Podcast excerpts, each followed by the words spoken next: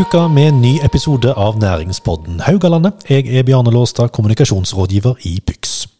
Det tradisjonsrike Tysvær-firmaet Førre, eller kanskje best kjent som Førre Vindu, eller Førre Dører og Vindu, eller Førre Trevare, har holdt det gående i over 70 år og ble nylig kåra til årets omstiller av hovedorganisasjonen Virke pga. sitt gode bærekraftsarbeid.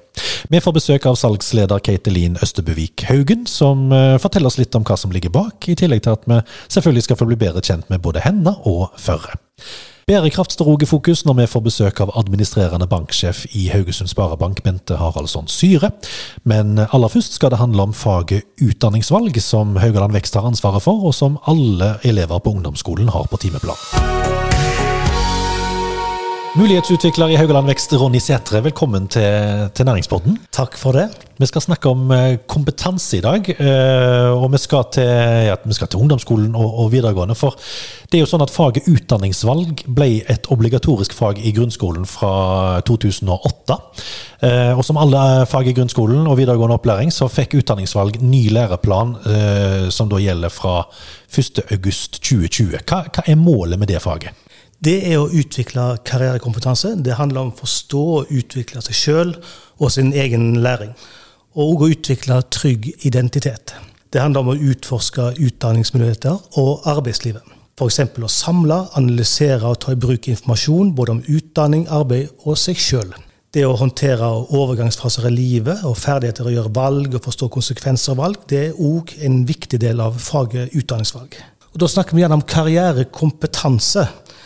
Og det er kompetanse som setter mennesker i stand til å håndtere karrieren sin i forandring og overganger. Det å kjenne seg sjøl og den konteksten en er i, handle og gjøre sine egne valg. Og håndtere dilemmaer og spenninger som er knytta til liv og læring og arbeid.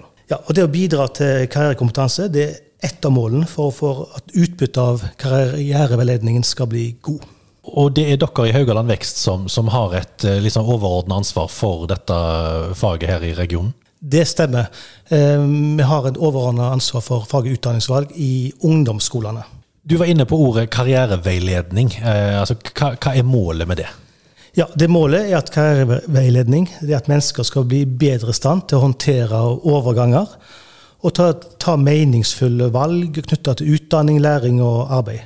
Karriereveiledning det gir mulighet for å utforske den enkelte sin situasjon, ønsker og muligheter og støtte til handling og valg. Karriereveiledning det gjør en gjerne én til én eller i grupper, og det kan en gjøre fysisk og digitalt. Mm. Og så er det sånn at uh, dere i Haugaland Vekst organiserer uh, ja, ulike typer aktiviteter da, innenfor uh, faget utdanningsvalg. Fortell litt om det. Ja, det stemmer. Utdanningsvalg det er 110 timer til sammen i ungdomsskolene. For, da, fordelt på de tre åra? Fordelt på tre år. Mm. Og Da skal de gjennom en del forskjellige ting. og Blant annet eh, skal de ut av skolene. Det er litt viktig at de får se litt av livet utenfor en skole. Og Da er de på besøk på eh, utdanningsprogram, så da besøker de ett utdanningsprogram i 9. klasse. Eh, vi har all logistikken rundt det, så kan rådgiverne drive med det de skal gjøre, nemlig god veiledning. Mm. Eh, og så besøker de yrkesmesser tidlig i 10. klasse, og etter det igjen så skal de besøke et nytt utdanningsprogram. Og I tillegg til det så har de jobbedager både i 9. og 10., som vi organiserer mye rundt akkurat det. Mm. Hvordan uh, føler dere at, uh, at faget fungerer ut ifra hensikten? Ja, jeg mener at det fungerer bra her på Haugalandet. Eh, vi har et, organisert det på en fin måte. Og det som foregår utenom skolen, altså utenfor skoleområdet, det tar jo med oss av mye. Så det, det er til god hjelp for skolene, vil jeg tro. Mm. Hva, hva, tenker du er det, er det viktigste uh, elevene skal ha ut av, uh, av utdanningsvalgsfaget? Ja, altså Hvis vi ser på det de skal lære seg da, så gjennom de tre årene, så har de at de skal ha livsmestring og selvbevissthet. De skal vite litt om arbeid og yrker. Eh, livsmestring og sjølledelse, og se karrieren sin nå og i framtida. Og så er det litt videre i 10. klasse om livsmestring og karriere, og litt om videregående opplæring og veien videre. Det er en del av det, men det å få se og oppleve hvordan det er, ser ut på en eh, videregående skole, hva de lærer på de ulike utdanningsprogrammene, og det å få litt jobberfaring i 9. og 10., det tenker jeg òg er veldig viktig. Ja, for det er jo noe av det, av de viktigste valgene en tar i, i, i, de årene. Det er rett og slett å, å, velge seg en utdanningsvei som igjen vil ha en innvirkning på hvilken yrkesvei en uh, ender opp med. Ja, absolutt. Eh, Nå er det ikke sånn at alt er spikra i stein når en velger et eh, utdanningsprogram. En kan gjøre noe omvalg, det er ingen problem, og det, for mange er det helt rett. Men det at en gjør et så godt og kvalifisert valg når en er ferdig i tiende, når en skal velge utdanningsprogram, det tror jeg er viktig. Og det blir det iallfall lagt ganske så bra til rette for i vår region. Hun starta karrieren i omsorgssektoren, men har siden vært finansrådgiver, kursholder i sminke og hudpleie, gründer av Singelringen. Hun har vært salgs- og markedssekretær hos Berge Sag, og daglig leder i Haugesund Røde Kors. I 2017 sang hun seg til en jobb i Førre vindu, der hun de siste årene har vært salgsleder. Velkommen til næringspodden Haugalandet, Katelin Østebøvik Haugen. Tusen takk. Langt navn. Ja, langt navn. Du klarte å uttrykke det. Nei, uttale det helt rett, ord, Ja, så det- bra. du får premie for det. Hva er det folk sier feil? Det meste. Ja, ok. Ja, ja. Det tar kanskje bare Kate eller Kate eller Elin eller ja, de spesielt eh, Hvis jeg, jeg ikke har en sånn bindestrek mellom de to navnene, så tror de at det bare egner seg til. Ja, nettopp. Men jeg har jo en sånn innledning til alle gjestene for, men, men denne, denne er lang og, og, og, og veldig variert. Altså, det, det er litt av en bakgrunn du har. Det underbygger kanskje min påstand om at uh, det er ingenting som er forgjeves. Og da glemte jeg å si at du hadde vært kokk på Føyna. Ja. ja, altså noen har spist uh, kumlebuffé på Føyna som jeg har lagd. Ja. Men, men har, har du For dette, dette går jo litt sånn i ulike retninger. Har, har, du, har du vært litt sånn usikker på hva som, hva som egentlig er deg, på en måte? Nei, jeg var egentlig ikke det. Nei. Men det er jo litt livets tilfeldigheter som gjør hvor en havner. Ja. Men uh, det var egentlig innenfor omsorgsyrket, så jeg var veldig bestemt på fra jeg var ganske liten. Så jeg var ikke mer enn seks år når jeg ga kaffe i sonde til en bestefar. Nettopp. Mm. Så da skulle jeg bli sykepleier, var tanken. Ja, men det varte ikke så veldig lenge, da. Det varte noen år Ja, noen år. i Stavanger. Ja. Jeg jobbet der både med autister og med eldre. Mm. Men så fant jeg ut at eh, Og så flytta jeg hjem eh, og hadde en liten gutt, og da fant jeg ut at det var ikke så lett å kombinere med turnusjobbing for min del. Så da så var det litt Det var nok en viss frustrasjon over at eh, jeg følte at det var vanskelig på en måte å stå på bakken og fortelle hvordan ting var gale. Altså det var et forbedringspotensial òg for en del år siden. Men nå altså eh, er du på i, ja, vi må ta det. Førre dører og vinduer. Førre vindu, førre trevare. Hvor er det du jobber hen? Vi jobber iallfall med tre. Ja. ja. Og med vinduer. Og med vinduer. Ja. Nei, det er jo litt sånn vanskelig da, fordi at du eh, Vi har gått mer og mer mot førre. At det er et nokså har blitt et eh, greit merkevarenavn, da, for å si det sånn. Men så sier jo ikke det så mye. Sier jo litt mer her lokalt, men det er jo litt sånn herlig overgang når du skal på en måte bli litt større enn kun i Tysvær. Så skal du tenke ok, nå har du førre eh, Hva gjør vi på det? Nei, vi lager jo for det meste vinduer. Ja, ok, nå kjører vi førre vindu. Ja, så lager vi jo dører, og ja, så ble det førre dør og vindu. Ja, men det er jo i tre. Ja, så har du førre tre. Ja. Ja, så vi landa litt ned på førre. Men jeg tror nok at eh, her lokalt så kommer nok de fleste til å, å bruke det. Altså, både før vindu og før tre. Før Førre. Og, og det er bare ett selskap? Korrekt. Ja. Men, men med, med kjært barn har mange navn? Ja. Jeg tror vi kjører litt den, men det, det er litt den med å gi slipp på det, det trygge og vante. Så organisasjonsnummer står på Førre Trevarefabrikk AS. Ja. Så det er korrekt, men markedsføringsmessig så går vi mer mot Førre og Førre vinduer. Og, og dette er jo et, et eh, firma som, som mange kjenner godt til her på Haugalandet, fordi at eh, ja, det går helt tilbake til 1950. Ja. Ja. Fort- Fortell litt om, om historikken. Nei, Det var Bernt Førre som starta dette i 1950. Så hadde han med seg to brødre. Gikk i banken og ville ha lån til å starte denne fabrikken, og ble vel i grunnen ledd av. Men eh, han fikk nå noe penger med seg, så da fikk han starte opp fabrikken. Eh, Som skulle lage dører og vinduer. ja. Ja. Eh, og de begynte vel, lagde litt forskjellig. De har nok alltid lagd mye forskjellig, men, men det var jo dører og vinduer. Og det er klart det var bare fem år etter andre verdenskrig var slutt, og det var rasjonering på materialer. eh, Og alt skulle brukes, eh, alle delene skulle brukes. Mm. Og i dag så er det da eh, sønnen til Bernt, Ja. ja, som heter Birger, som, ja. som eh, leder, leder virksomheten. Mm. Og har gjort det i, i, i mange år. Starta verksted inne på, på Frakkajær. Altså, det var ikke der det starta opprinnelig? Nei, det var nede på Småje. Ja. Mm, hvor, hvor er det? Det for det i Førre? Det er på Førre, det òg, ja. Ja. Så det er liksom nærme sjøen. Mm. Så du kjører gamleveien, så kommer du rett til Småje. Men så har dere da fått nytt verksted og, og kontorer inne, inne på Frakkeier. Ja, ny produksjonsfabrikk. Mm. Og hva er det da dere produserer? Nå har vi snakket litt om det, men, men, men litt mer konkret. eh, hva type vinduer, hva type dører? Nei, vi lager, noe, vi lager jo vår standard, som da er på en måte norsk kjerne ved furu. Og, og så har Akoya glasslister, så da har du et veldig godt utgangspunkt for å tåle det været som vi har her. Eh, og så i tillegg så lager vi produkter i Akoya og eik. Og gjerne kombinasjoner. Ja, for kombinasjoner er noe dere er, er kjent for, og som er, som er litt, ikke unikt kanskje, men i hvert fall spesielt for dere. Ja, vi er veldig unike òg. Ja, ja, ja. vi er nok det i all Ja. beskjedenhet. Ja, det. ja. Men eh, vi kombinerer jo f.eks. eik, som er et nydelig materiale, men det har jo en del vedlikehold som følger med. Mm. Og det er ikke alltid du har lyst til å, å, springe ut hver sommersdag for å prøve å olje litt imellom regnet. Så derfor så er jo da Akoya et godt alternativ ute. Så har dere da dette konseptet som dere kaller førre fleksibel. Det må du fortelle litt om. Ja, det er jo et mer segment, eh, og det er jo der vi dekker inn under dette med eik og akoya og, og furu. For det som vi ser at eh, norsk furu får liksom en høyere status nå enn det har hatt på mange år. Eh, for det er litt som bil er ikke bil, og tre er ikke tre. Så eh, den norske gode furu som har vokst seint og, og lenge, den har en, en god impregnering med seg fra starten av. Og vi har lyst til å se tre. Vi har lyst til å se tre, vi har lyst til å se betong, vi har lyst til å se altså, Rett og slett råmaterialer har vi lyst til å se mer av. Så òg furu som er synlige inne med enten i form av oljing eller i, i lakk, sånn det er transparent så du ser det.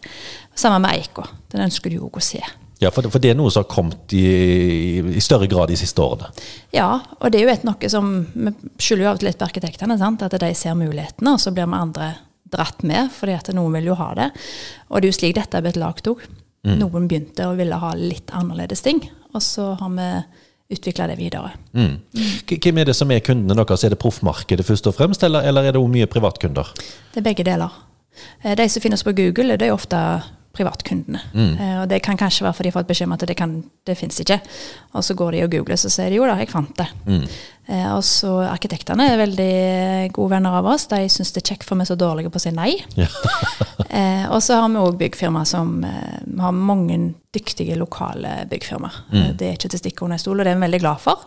Og så er vi heldige at vi har andre som finner oss òg utenfor våre eh, lokale grenser, skulle jeg si. Og da de finner oss eh, på forskjellig vis.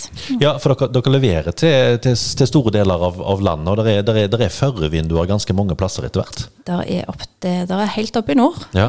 Eh, største prosjektet i fjor var til Statens hus i Vadsø.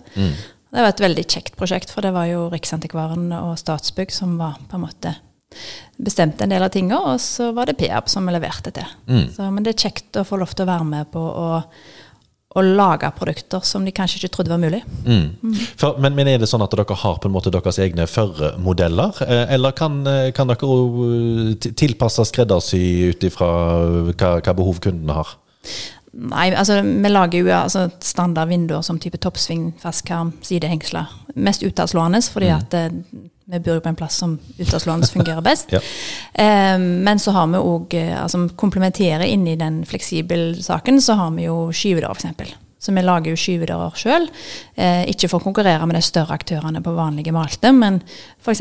har du vinduer i, med eik inne og, ute, så vil du gjerne ha skyvedører tilsvarende. Mm, type terrassedører osv. Ja. Mm. Eh, hva er de kjekkeste oppdragene dere får? Du, jeg syns egentlig det er kjekt alt ifra å ha den, det unge paret som på en måte for første gang skal bygge hus, og så er det litt stramt budsjett, og så er det liksom det er mange valg de skal ta, og være en god på en måte veileder gjennom de ulike punktene, sånn at de får et produkt så de vet at det var et eh, det var en mening med hver enkelt valg som ble tatt. Og, og da finne på en måte de tilleggene som ikke koster så mye, men de gjør mye likevel med uttrykket. Det, det syns jeg er gøy. Mm. Og så er det vel noe med at, at altså, dere, dere må vel jobbe tett sammen med uh, byggfirmaer, arkitekter osv. for å få ting til å henge i hop. Spesielt kanskje på, på, på nybygg. Ja, på nybygg, men òg en del på rehabilitering. For det er klart, eh, sånn som nå, så er det ganske mange bygg som skal rehabiliteres fordi at en vil få ned f.eks. strømutgifter og sånne ting. Og da er jo det å bytte vinduer en veldig god, et veldig godt virkemiddel for, å få, for å få mindre varmeutslipp. Eh, og, og da er det kanskje enda viktigere. For det er litt sånn lurende ting som kan skje underveis i en sånn rehabiliteringsprosess. Det tror jeg alle som har prøvd det, vet om. ja. Ja. Så jeg tenker at det, det har sine utfordringer på forskjellig vis. For på et vindu som har Eller på et bygg som har så du ikke ser. Sant? Du, du, har ikke et fysisk bilde av hvor stort, er, hvor stort er rommet, hvor stort er eh, stua, altså hvor skal man plassere det vinduet. Det har liksom det ene sida av det. Og andre sida er jo på en måte når du eh, Så du skal for deg ting, og det er vanskelig. Mm. Noen er veldig gode på sånne A4-avdelinger, jeg er det ikke. Nei. Så jeg syns det er kjekt å se ting. Mm. Så det å se og få et bilde av det, det er veldig kjekt. Så er, vi jobber litt ulikt. Ja, og så er du altså du, du- er glad i det team, teamarbeidet. Du, det er noe du kaller teamvindu. Ja, vi har lagt, det er et lite konsept vi har lagt. da. Ja. Tenkte vi skulle Hvordan- få spredd det? over hele landet. Ja. Nei, det innebærer jo at vi setter oss sammen, eh, de, eh, de viktige aktørene som skal være med og sikre at det blir et bra prosjekt sånn helt til slutt. Og ikke minst at det skal fungere etterpå, når kunden har overtatt og flytta inn med både sofa og seng. Ja, for det, det er da altså det, det er da byggherre, det er arkitekt, det er kunde, kanskje? Ja. Ja, veldig gjerne kunden med oss. Og hvordan jobber dere sammen, da?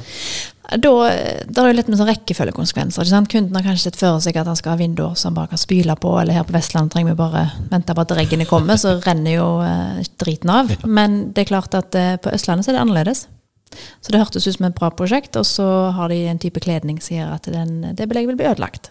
Så kan vi si det. Så det handler jo om å spille på de ulike kompetansene. Ja, og så har dere kanskje ulikt utgangspunkt til, Ja. til den utfordringen dere skal løse. Veldig. Sant? Hvordan funker det i praksis, da, tenker du? Nei, jeg tenker at når vi går gjennom de ulike leddene i på en måte både i planlegging og i forhold til monteringa, og i forhold til etterpå vedlikehold, sant? at kunden er klar over hva han har fått. Eh, og så er det sånn at ting kan oppstå underveis. Kan, eh, vi leverer jo et marked med mye detaljer, eh, og igjen så er vi veldig dårlige på å si nei. Eh, og når vi sier ja til litt forskjellig, så, eh, så er det litt med det å få på plass hvem som skal levere type detaljer, som vi vet alle er klare over hvordan de fungerer og hvordan de skal monteres. Og så er det jo når, eh, når det skjer et eller annet galt, så er det jo snakk om å, har du hatt en god dialog i forkant, så er det lettere å ta opp telefonen og si hvordan fikser vi dette? Mm. For eh, det er ingenting som gagnes av å gå i hvert sitt sånn boksehjørne Mm. og sitte og prøve å finne en løsning på hver sin front. Det vil si finne ut hvem som skal ta skylda, og da kostnaden. Det er alltid noen som er veldig opptatt av hvem som har skylda.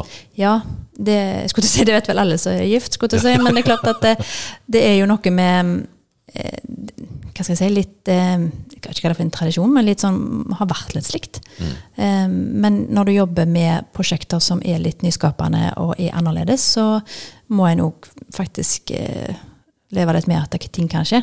Og så er det hvordan vi fikser det. Det er det viktigste. Det skal bli bra til slutt.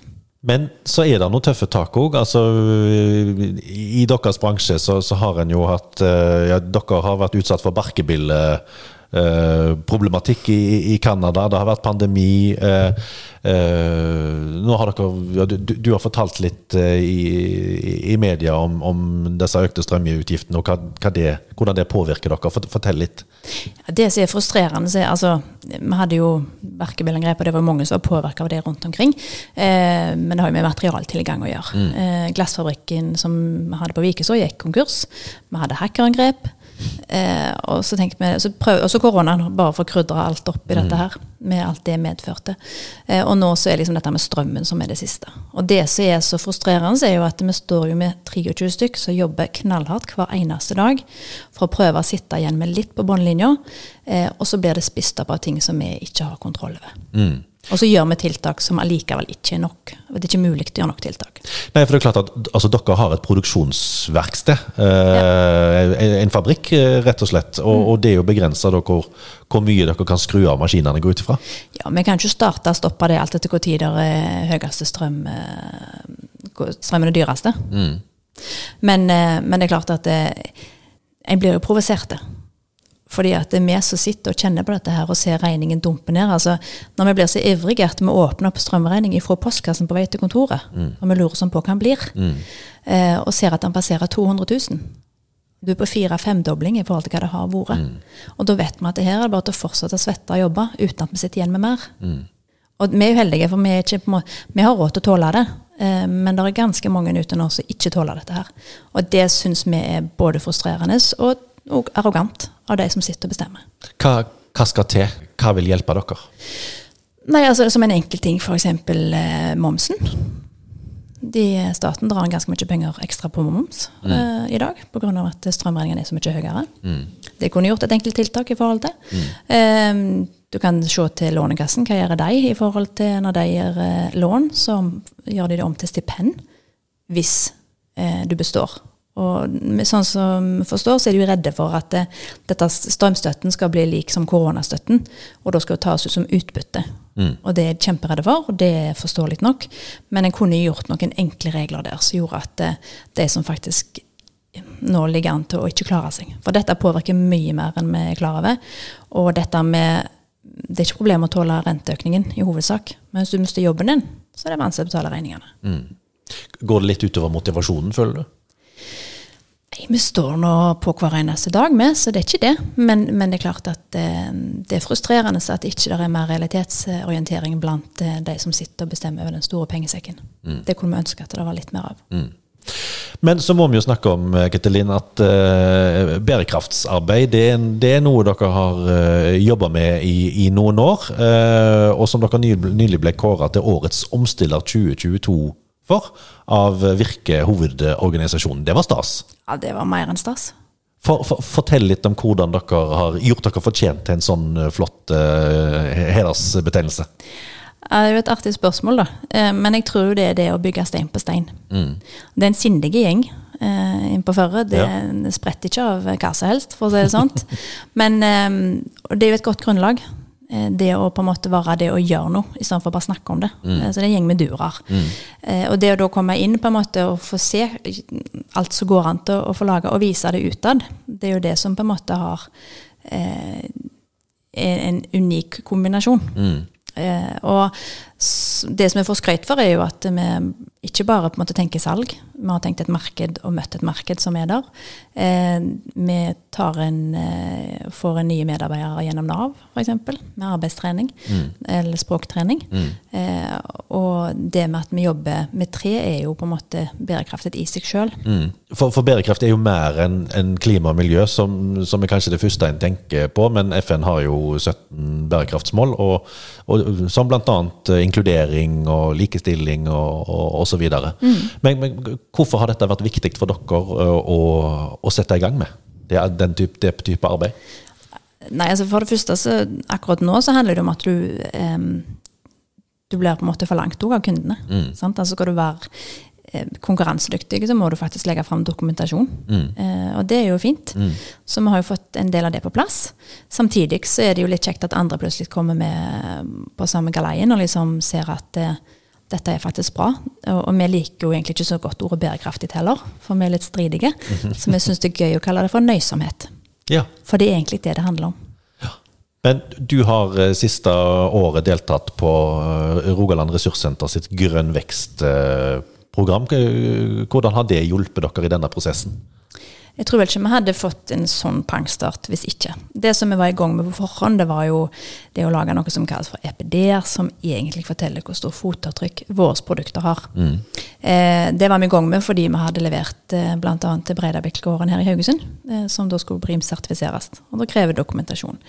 Men så ble vi med på Grønn vekst-programmet, og da ble vi på en måte litt sånn heven inn i eh, hvor stort dette her egentlig var, og at det var på full fart. Det var ikke eh, kan jeg si, Det er ikke noe du kan vente og se litt an, egentlig. Ja, du kan jo, men det er ikke så fornuftig.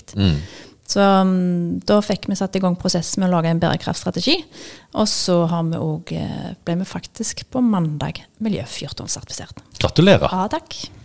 Det, det, det er mye å glede seg over. Det er knallkjekt. Masse. Vi skal bli bedre kjent med deg eh, på det litt mer personlige plan nå, eh, Ketelin. Men først så skal vi òg få noen bærekraftstanker fra Haugesund Sparebank. Spennende. Tilbake i studio hos oss er administrerende banksjef i Haugesund Sparebank, Bente Haraldsson Syre. I dag skal vi snakke om bærekraft, Bente. Ja, det skal vi. For det er dere opptatt av? Ja, vi blir veldig opptatt av det. Det er vel sånn som alle er, men eh, vi er veldig opptatt av det fordi at vi, vi mener at vi kan ha noe å bidra med akkurat på det området der. Så, så det er viktig for oss. Ja, ikke bare at dere som, som eh, gjennom bankdriften eh, driver den på en bærekraftig måte, men dere ønsker òg å påvirke andre. Altså på, på hvilke måter kan dere eh, bidra til at òg andre blir mer bære- bærekraftige?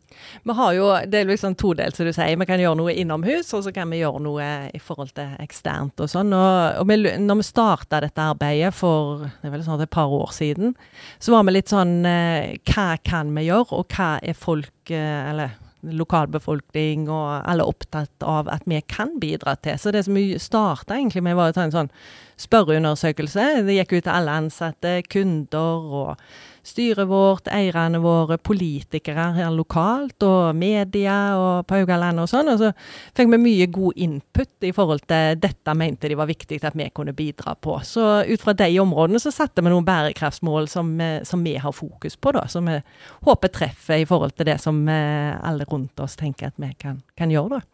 Og så er det jo sånn at bærekraft er jo mye mer enn, det kanskje mange tenker på automatisk, som er miljø og klima og sånt. Men, men mm. hvilke fire bærekraftsmål er det dere har satt ja, vi har fire, ut ifra de undersøkelsene vi gjorde da, så kom det jo litt frem det som du sier, at de, de var jo opptatt av at det var, var, ikke bare klima vi kunne bidra til. De forbandt kanskje ikke bank så mye med klima. Så, så vi satte fire mål eh, basert på disse FNs bærekraft, 17-målene som er der. Og, og, da hadde vi nummer fem, som er likestilling mellom kjønnene. At det var et av de målene vi satte der. Og så hadde vi nummer åtte, som går på anstendig arbeid og økonomisk vekst. Og så hadde vi da nummer 11, som går på bærekraftige byer og lokalsamfunn. Og så hadde vi det klimamålet som er, er nummer, nummer um, 13, som er stoppa klimaendringene. Så vi har med det òg, for vi tenker det, det er liksom vesentlig i det. Men det er, det er en annen, andre dimensjoner òg med dette. Mm. Mm. Men, men, hvordan skal dere da jobbe for å både nå de målene internt, og, og, og mhm. hjelpe andre til å i hvert fall jobbe i rett retning? Ja, ja da, for det, det, er liksom fint og flott å sette sånne store mål, og så er det liksom hva betyr det i praksis for oss mm. som en lokale sparebank. Så det, det, har vi jobba mye med. Vi har jobba med, med, de ansatte for å få innspill, sant? opplæring der og sånn. Og så ser, hvis vi tenker likestilling, så kan vi gjøre noe internt. Passe på når vi ansetter, når vi får fremme. Hvordan ligger og, dere an der i dag? Vi, vi, ligger egentlig ganske bra an. På styrenivå så er vi liksom 50-50 mm. damer og menn, og noenlunde det samme, med litt kanskje eh, ledergrupper, så har vi litt å gå på. Det har vi to damer og fire menn, så det er vi ikke helt der. Men det, eh, det, handler litt om kompetanse. Men vi prøver liksom å ha fokus på det. Om vi ser på avdelingsledernivå og sånn, så ligger vi veldig bra an på det mm, mm. målet der. Og, og der tenker vi òg litt at vi setter litt eh, ja, Eh, vi kan jo ikke sette krav til firmaer, men vi har liksom fokus på det, og informere om det kanskje på ja, om du er ute og holder foredrag og den type ting, og lag og foreninger sant, der, eh, som er sponsor og sånn, der, der er vi veldig på liksom, med likestilling. Kanskje sånn fotballen, ikke sant, og ja, fokus på at de har like muligheter for jentene som de har for guttene. Så det, det er litt sånne ting vi gjør der. Eh, når det gjelder Eh, gjelder anstendig arbeid og økonomisk vekst, så det, det ligger jo oss som finansnæring Det er jo det dere jobber med. Ja. ja, det er jo det. Sant? Så det, det, kan vi jo gjøre det både i forhold til bedrifter, sant? ha fokus på å finansiere altså lønnsomme bedrifter, og vi har fokus på å lære opp eh, enten det, altså det går litt på likestilling og, og på dette med økonomisk selvstendighet. Altså damer, at de er like økonomisk bevisste som menn i forhold til den økonomiske rådgivningen vi gir. og mm. ja, Litt den type ting. Ansette ungdommer, kanskje fokus på lærlinger. Eh, at de skal komme seg inn på arbeidsmarkedet. Det kan man sjøl, og fokus på at eh, firmaer har det. Og så har du bærekraftige byer og, og lokalsamfunn. Ja. Der, der, eh, er jo dere godt kjent for, ja. for å bidra.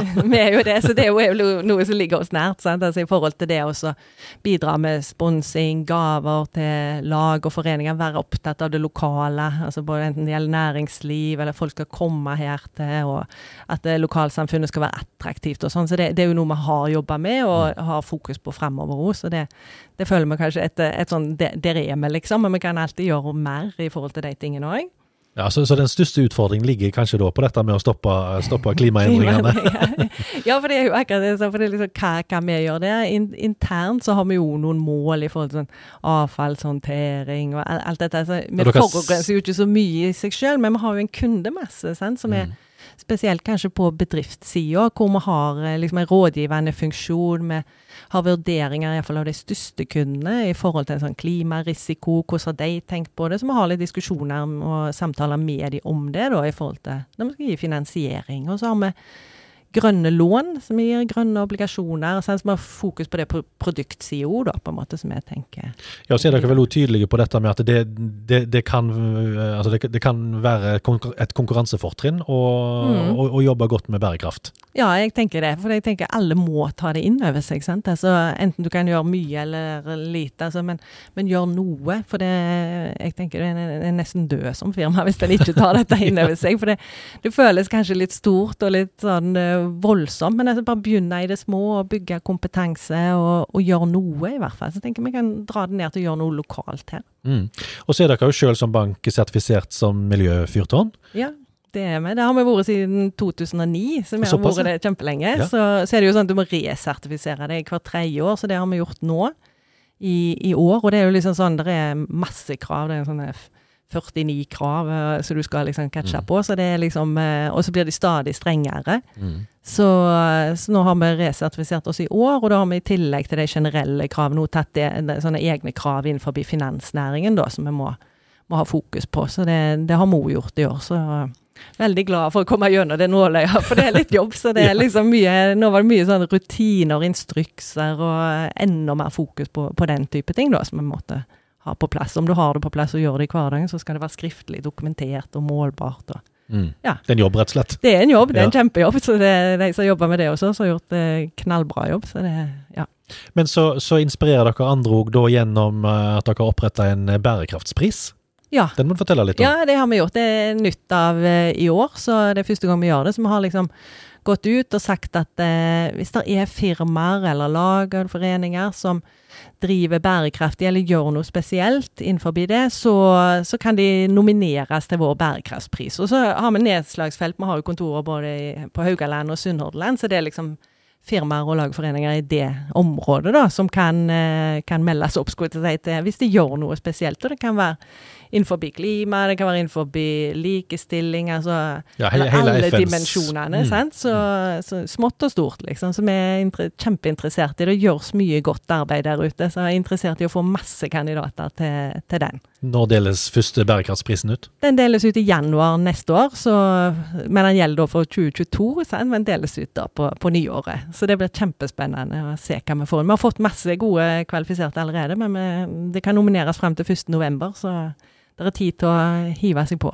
Da oppfordrer vi alle som uh, har en liten formening om at de kanskje fortjener ja, det, det å melde seg på. Ja. Den bærekraftsprisen, Ketilin, den uh, hadde kanskje vært noe å strekke seg etter? Vi er alltid åpne med, for vi har plass på denne prishylla vår, ja. så det går bra. Så bra. Du, vi, vi, er, vi, er, nødt til å gå tilbake litt til, til singelringen din. Eh, for, for, dette starta du med på tidlig 2000-tall. For, for, fortell litt. Konseptet var at jeg lagde ringer som skulle egentlig erstatte en giftring. For de som ikke hadde giftring, så kunne jeg gå med en singelring. For, rett og slett for å vise at jeg er ledig på markedet? Ja, altså du er åpen for en kopp kaffe, ikke sant? Altså, ja. det er litt eh, Nå var du beskjeden. Ja. litt for å er alltid greit å være effektive. Ja. Eh, og det å treffe på folk som kanskje egentlig er opptatt eller var samboere eller et eller annet sånt. Jeg tror det er kanskje flere som har vært på byen og blåst av litt mye tid og penger på noen som bare gikk hjem, på en måte.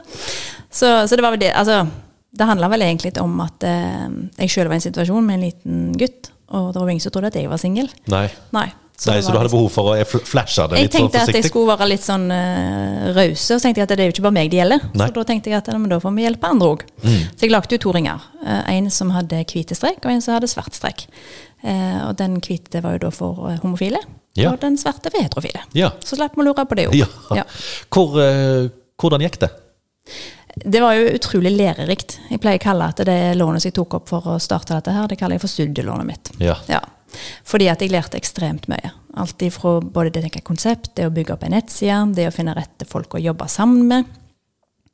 Eh, og det å finne vinkler som treffer ute, og sånne ting. Altså, eh, jeg ble ikke rik på det. Jeg betaler ikke så mye strømregninger med dette, for å si det sånn. Men det, jeg, og jeg la det jo ned etter noen år òg, for å si det sånn. Men hadde jeg vært lure, så hadde jeg nok solgt akkurat når det smalt. For da var det masse oppmerksomhet rundt det. Mm. Så det var kjekt og lærerikt, og så strengt tatt så kan jeg jo ta det opp hva tid som helst. Men da må jeg nok hive noe mer farger oppi den streken. Ja, Ja. ja det, det må bli regnbueringer. Det ble, Ja. det ble mye forskjellige ringer. Ja. Men, og, og det skyldes kanskje ikke ringen, men, men du, du var ikke singel lenge. Nei, han hadde sånn eh, veldig god virkning. Han virka, på forhånd. Ja. Så greit. Ja, så jeg traff jo eh, Han er nå gift, men han traff jeg jo 14 dager før jeg lanserte det. Mm. Og da måtte jeg si det litt sånn forsiktig at ja, altså bare um, Om en stund da, så kom jeg til å kom, lansere noe, og så kunne jeg skulle liksom ikke si så mye om dette her. Eh, og så lanserte jeg det klokka 11 på en eh, tirsdag, og klokka ett så var jeg booka inn til God morgen Norge på TV 2. Ja, ja for du, du fikk ganske mye oppmerksomhet rundt dette. Ja, var det. Folk, folk syntes det var litt gøy. Ja, Folk syntes det var gøy, og så liksom det er litt voksne det er bare litt sånn «Øh, Var det noe å liksom tutle på med? Men, Ja. men eh, noe av det sterkeste uttrykket var faktisk når jeg var på, på Gay Parade i, i Oslo. Sto på den Pride-festivalen der. Mm. Og da kom det folk bort, så, så sier hun jeg, jeg grein jeg, sa hun, når jeg så deg på TV 2. Mm. Når jeg så at vi hadde fått den hvite fargen. For endelig, Vi pleier alltid å være det sorte fåret. Ja. Nå fikk vi den rene hvite fargen. Så sier jeg det var helt bevisst. ja, var det det? Ja, det var det. Ja. Mm. Fantastisk. Så, så det var sterkt. Mye sterke øyeblikk. Mm. Ja, Og, og, og ja, det tok jo noen år, den gründerreisen din, men du har gjort mye, mye forskjellig eh, etterpå òg. Eh, blant annet så var du daglig leder i Haugesund Røde Kors, men det, det var et vikariat. Og når det vikariatet begynte å nærme seg slutten, så skjønte du at eh, jeg må jo gjøre et eller annet for å få meg en jobb etterpå òg.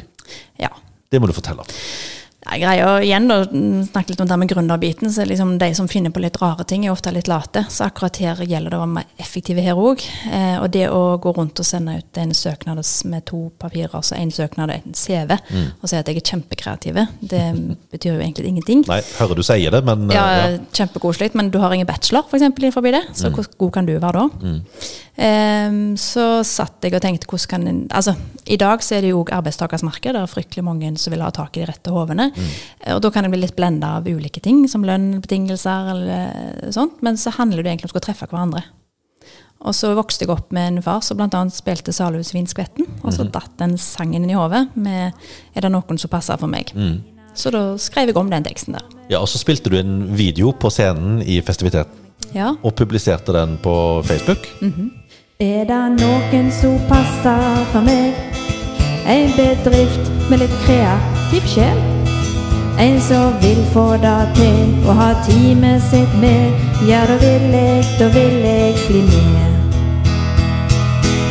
Bli med. Hvordan var responsen?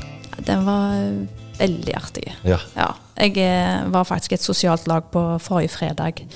Eh, der de eh, satt og spilte musikk, og plutselig så kom intervjuet med meg opp på Radio 102. Og det var den eneste som hadde funnet fram det. Og hørte hele sangen en gang til. Så det, så det som jeg har opplevd, er jo at folk syns det var kjekt. Eh, og eh, så fikk jeg jo en fantastisk god arbeidsgiver. Ja, for det, det funka. Altså, Altså, det Birger Førre merka seg dette. Ja, både Birger og Torbjørn. Ja. Eh, de eh, var på og, og tok kontakt og inviterte på en kopp kaffe. Mm. Men, men det, og, og det sier jo ganske mye om deg. Altså, du, du, du er en kreativ sjel som, som liker å gjøre ting på en litt annen måte. Jeg er vokst opp heldigvis i et hjem Ja. der eh, en så løsninger. Og det har jeg tatt med meg i stor grad. Eh, mye løsninger og lite Ludvig, som jeg sier. Ja. Du trenger ikke være så redd. Nei, du er ikke så skvetten. Ikke på det, iallfall. Nei. Nei. Hvis det er målet hellige middelet. på en Ja, måte. I dag har du rolle som, som salgsleder. Eh, du har ja, hatt ulike typer leder- og mellomlederroller opp gjennom årene. Hva, hva, hva, er det som, som er en god leder, sånn som du ser det? Det er en leder som er et menneske, som ser at eh, du jobber med mennesker som 24-7-mennesker, egentlig. Det er en jo sjøl òg. Sånn at eh, jeg, er, jeg er opptatt av å være rause, av å se hver enkelt, og se kanskje små tinga i hverdagen. Men er, er du ei sånn da som 24-7, som du sier, så tenker du jobb hele døgnet? Er du tilgjengelig hele døgnet for eh, kunder, kolleger osv.? Er det viktig for deg? Nei, jeg, jeg har ikke mail på telefonen min, blant Nei, annet. nei. For da hadde jeg tenkt mer 24-7. Ja. Og spør du ungene mine, som av og til er på tur med meg, og da jeg går og kikker på vinduer, og så sier de 'mor, må du se på vinduer hele tida'? så sånn sett så er jeg jo litt påvirka, men jeg, eh, jeg prøver å stoppe, eh, sånn at jeg ikke tenker på det hele døgnet. Men eh, Ja, for det, det, du har potensialet til å gjøre det? nokså. Ja. mhm, ja. Fordi at du går all in i ting? Jeg syns det er vanskelig å ikke være engasjert. Det er ikke noe mål for meg heller å ikke Nei. være engasjert. Er, men det må jo ikke være påtatt. Men det er jo for jeg syns det er kjekt. Mm. Hva, hva, hva er det på, på jobb, da, nå, i og med at du har så bred jobberfaring? Altså, hva er det som får deg til å blomstre? Når, når er det du eh, trives best og er på ditt beste, tenker du? Det er når jeg eh, har de gode opplevelsene. Enten det er gjennom en god prat med en kollega, eller at du eh, har kunder som på en måte er så fornøyd. Altså de syns det er kjekt å prate, og du blir jo kjent. Altså, det er jo ikke så fjernt fra omsorgsyrket egentlig, fordi jeg får jo være med folk, og jeg liker folk. Ja. Liker de deg? Jeg håper det. På en god dag. Det, og så er det lett å tenke når du har gjort så mye forskjellig, at, at du kanskje er litt sånn utålmodig, rastløs uh, sjel. Altså, har, har, har du makk i ræva, holdt jeg på å si? Nei, ikke utprega. Men jeg kan jo finne på ting innenfor de rammene som jeg er. Mm. Sånn at hvis jeg tenker, hvis det er en utfordring, så spinner vi opp noe for å løse det. Ja. Ja. ja du, du, du er en type som, som ser løsninger, og ikke bare problemer og utfordringer. Kan godt være jeg går litt i å og ser et mørkt på det en stund, men så hjelper jo ikke det. Nei. Så da må en jo finne en, en måte å fikse det på i stedet for. Men, men når du da eh, har kobla mailen vekk fra mobilen, og, og klokka er blitt fire, og i hvert fall fem, og, og litt sånn, hva, hva er det du gjør eh, etter jobb? Eh, Hvordan kobler du av? Sånn bortsett fra å vaske opp etter middagen og, ja, Ja. sånne Er ikke det verdens beste avkobling? Det er kjempebra. Nei, jeg skulle jo gjerne likt å sagt at jeg, jeg jogger for å trene meg opp til maraton, eller noe sånt, men det gjør jeg ikke. Jeg kan gå en tur med en liten hund som heter Tassen, som jeg har fått, eh, som ungene mine påstår er den nye favoritten. Ja. Men han får meg iallfall ut. Ja. Ja. Ja. Så jeg gjør det. Ellers så må jeg si jeg syns det er kjekt. Altså, jeg er glad i hverdager. ja. For det er det jeg har mest av. Ja. Og om det innebærer å lage vafler til kvelds, eller bake rundstykker og invitere noen venner, så Mm. Det krever jeg ikke stort mer enn det. Jo, men, men, men bare det. Altså, er, du no, er du en som liker å gjøre litt spesielt ut av hverdagen òg? Det kan være. Ja. Ja, jeg gjør det. Ja. Men det er fordi at um, du kan liksom ikke vente til neste sommerferie Nei. for å ha det kjekt. Nei, du kan ikke det. Nei, det blir så lenge. ja. men, men eh, bortsett fra å gå turer med hunder, har, har du noen eh, interesser eller hobbyer som du, altså, noe, noe som du er litt sånn ekstra opptatt av, eller som, du, som gir deg ekstra glede? Ja, det som gir meg ekstra glede, er jo på en måte å kunne være eh, en god venn. Mm. Eller et godt familiemedlem. Mm. Så kan være der, så har tid til å være der for de som i en periode trenger det. Mm. Eh, det er faktisk viktig for meg. Mm. Det er rett og slett givende for deg? Ja, det er det. Så jeg er ikke så glad i å ha sånne helt faste ting. Det må jeg innrømme. Eh, fordi at jeg synes, da, da låser jeg opp uh, dagene mine, og det er jeg ikke så glad i. Men jeg, eh, det er låst opp nok. Jeg må ha sånne faste ting, så jeg, jeg har noen faste spørsmål. Ja. greit. For det, det strukturerer Ja. praten min. Det er bra. Så uh, det første vi pleier å spørre om, det er eh, om du har noen forbilder i, i næringslivet, og gjerne, gjerne her lokalt. Ja, jeg satt og tenkte på det spørsmålet der. For helvete så ble vi jo litt forberedt på at Mm. det kunne komme. Uh, og så tenkte jeg at jeg har egentlig en kombinasjon av at jeg har forbilder, og jeg har um, Jeg er glad i sitater. Ja. Ja. Eh, og jeg hadde en eh, sjef tidlig som heter Hallgeir Mm. Boen. Og han sa, når jeg ble litt stressa, når jeg gikk litt til svart, da, så sier han det at Kaitlin, sier han, dette eh, hvis, hvis noen barn i et annet øde land ikke blir skada av at du ikke gjør dette i dag, så kan du gjøre det i morgen. Og det tenker jeg ganske ofte på. At nå kan du slappe litt av igjen. Ja. Eh, jeg var jo så heldig å være i Haugesund Røde Kors et år. Eh, og da eh, fikk jeg gleden av å jobbe med mange utrolig dyktige både ansatte og frivillige. Men eh, Lars Narvik, som var min sjef da, sammen med Paul Eggen, eh, han ga meg et veldig tydelig bilde på at det å være en, en stor eh, brumlebasse, som på en måte høyrøsta og veldig tydelige, var verdens mjukeste. Mm. Eh, og det syns jeg var veldig fint å se. Mm. Så, um, så det har jeg um, eh, Den lederstilen på en måte syns jeg var Og så har jeg jo så klart Birger. Altså, det er ikke til å komme vekk ifra at det å jobbe med en person som har verdier i bånn, som jobber med hode, kropp og hjerte og sjel, det er Du har lyst til å være med. Du har lyst til å være med bidra, du har lyst til å få ting til sammen. Så, um, så jeg, har, jeg har flere forbilder. Så bra. Hva drømte du om når du var liten, da? Jeg skulle bli sykepleier, jeg. Ja. Ja. ja. og så fikk du det, det med en gang, og så gikk det over. Jeg ble iallfall omsorgsarbeider, og Ja. så gikk vi litt videre. Mm. Var litt inne på det i sted, men, men hva er du redd for? Nei, jeg er jo mor, da. Ja. Så i rolle av det så er jeg vel redd for det meste, Mm. strengt tatt. Men uh, Merka du en, en forandring der etter, etter at du fikk barn, rett og slett? At du bekymra deg mer? ja, jeg var sikkert disponibel i forkant òg. Men eh, jeg, nei, jeg er nok redd for, eh, for eh, ungene mine og for mannen min og familien min for øvrig. Jeg er jo Men- glad i dem. Ja, godt å høre. Eh, Men er, det, er dette ting du kan gruble litt over? Uh, Framtida til ungene, hva skal de bli når de blir store? Altså Den type ting? Altså det er så Fordelen med at nå har jo eldstemann ikke meg, han er 18, og så har jeg jo ei på 11 og en på 9, så du blir jo litt sånn avslepen. Så det merker jeg jo på han sistemann, så jeg er litt betraktelig mer avslepende kanskje enn jeg var med, med første. Men eldstemann skal kanskje flytte ut om ikke så altfor lenge? Ja, han prøver litt på det nå, faktisk. Så han Ja. er i Sauda et halvt år for å, bli, for å ta lastebillappen. Så da prøver vi litt på det. Og hvordan er det å være eh, mamma da? Overraskende eh, greit, faktisk. Ja. Jeg er stolt. Det, det faller seg rett og slett naturlig at nå, nå, nå er dere kommet der.